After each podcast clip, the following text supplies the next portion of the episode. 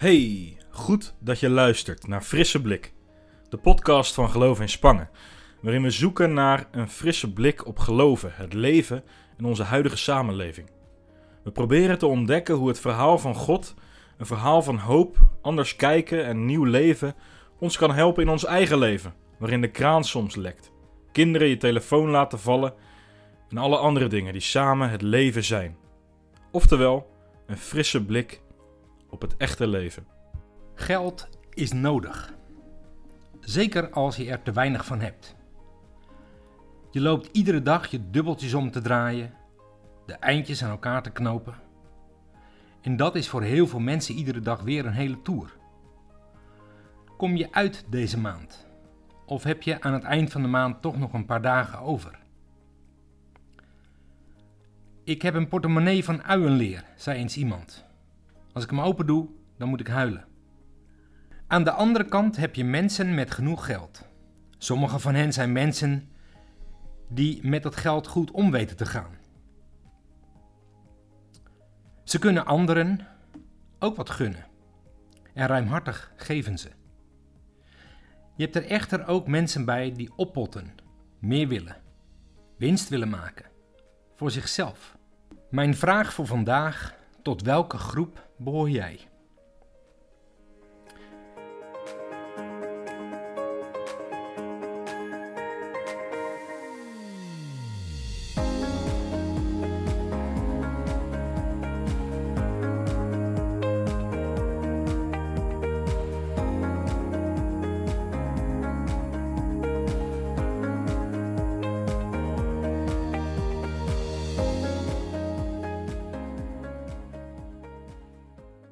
In de Bijbel wordt heel vaak gewaarschuwd tegen mensen die uit zijn op geld. Vandaag lezen we ook zo'n gedeelte. Alleen komt daar nog een element bij. Luister maar. De mensen in Samaria kregen de Heilige Geest doordat Petrus en Johannes hun de handen oplegden. Toen Simon dat zag, zei hij tegen Petrus en Johannes: Geef die macht ook aan mij. Dan kan iemand ook de Heilige Geest krijgen als ik hem de hand opleg. Ik betaal jullie ervoor. Hier is het geld. Maar toen zei Petrus tegen hem: Jij en je geld horen in de hel. Jij denkt dat Gods Heilige Geest te koop is? Jij hoort niet bij ons, want je wil God niet dienen, maar jezelf. Ik zie dat je hart vol kwaad zit en dat je ontzettend jaloers op ons bent. Misschien zal God je vergeven maar dan moet je bidden en laten zien dat je spijt hebt van je slechte gedachten. Toen zei Simon: Willen jullie voor mij bidden? Vraag aan de Heer of hij me niet straft. Tot zover dit gedeelte. Gisteren lazen we ook over Simon de tovenaar uit Samaria. Hij was tot geloof gekomen en liet zich dopen. Mooi toch, zou je denken. Tegelijk gaat het verhaal verder. Simon de tovenaar raakt onder de indruk wat er in de eerste christelijke gemeente gebeurt. Als de apostelen de gedoopte mensen zegenend de handen opleggen, ontvangen zij de Heilige Geest en gebeuren er wonderen die geen mens voor mogelijk had gehouden. Simon is diep, onder de indruk. Tegelijkertijd wil hij er een slaatje uitslaan. Wat kost dat? Kan ik jullie truc van de Heilige Geest ook niet kopen? Vraagt hij aan de discipelen. Simon is uit op zijn eigen belang. En dat is nu juist het tegenovergestelde wat de Heilige Geest wil. Die wil verbinding, delen, voor elkaar zorgen, elkaar helpen. De gaven van de Heilige Geest zijn dan ook nooit aan het individu gegeven, maar aan de gemeenschap. Zodat die gemeenschap op haar beurt kan groeien en bloeien en tot zegen kan zijn van anderen.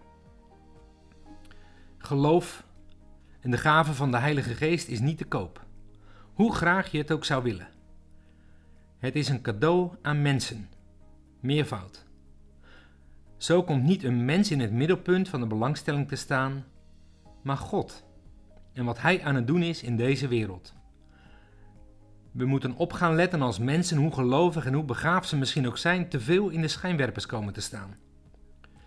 Er zouden wel eens meer duistere en donkere machten actief kunnen zijn dan we aan de buitenkant zien. Het brengt me bij de vraag: hoe kun jij je talenten en gaven die God je gegeven hebt voor anderen inzetten om je heen? En hoe bescherm je de gemeenschap tegen mensen die zichzelf te veel op de voorgrond zetten in plaats van God?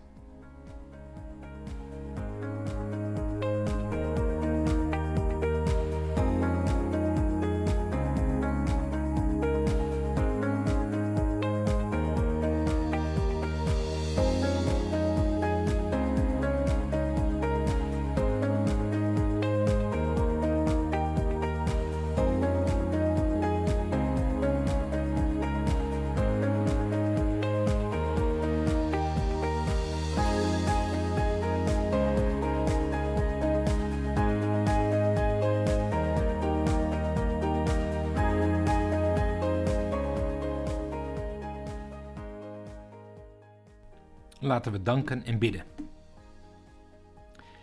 Heer, we danken u dat uw geest is uitgestort.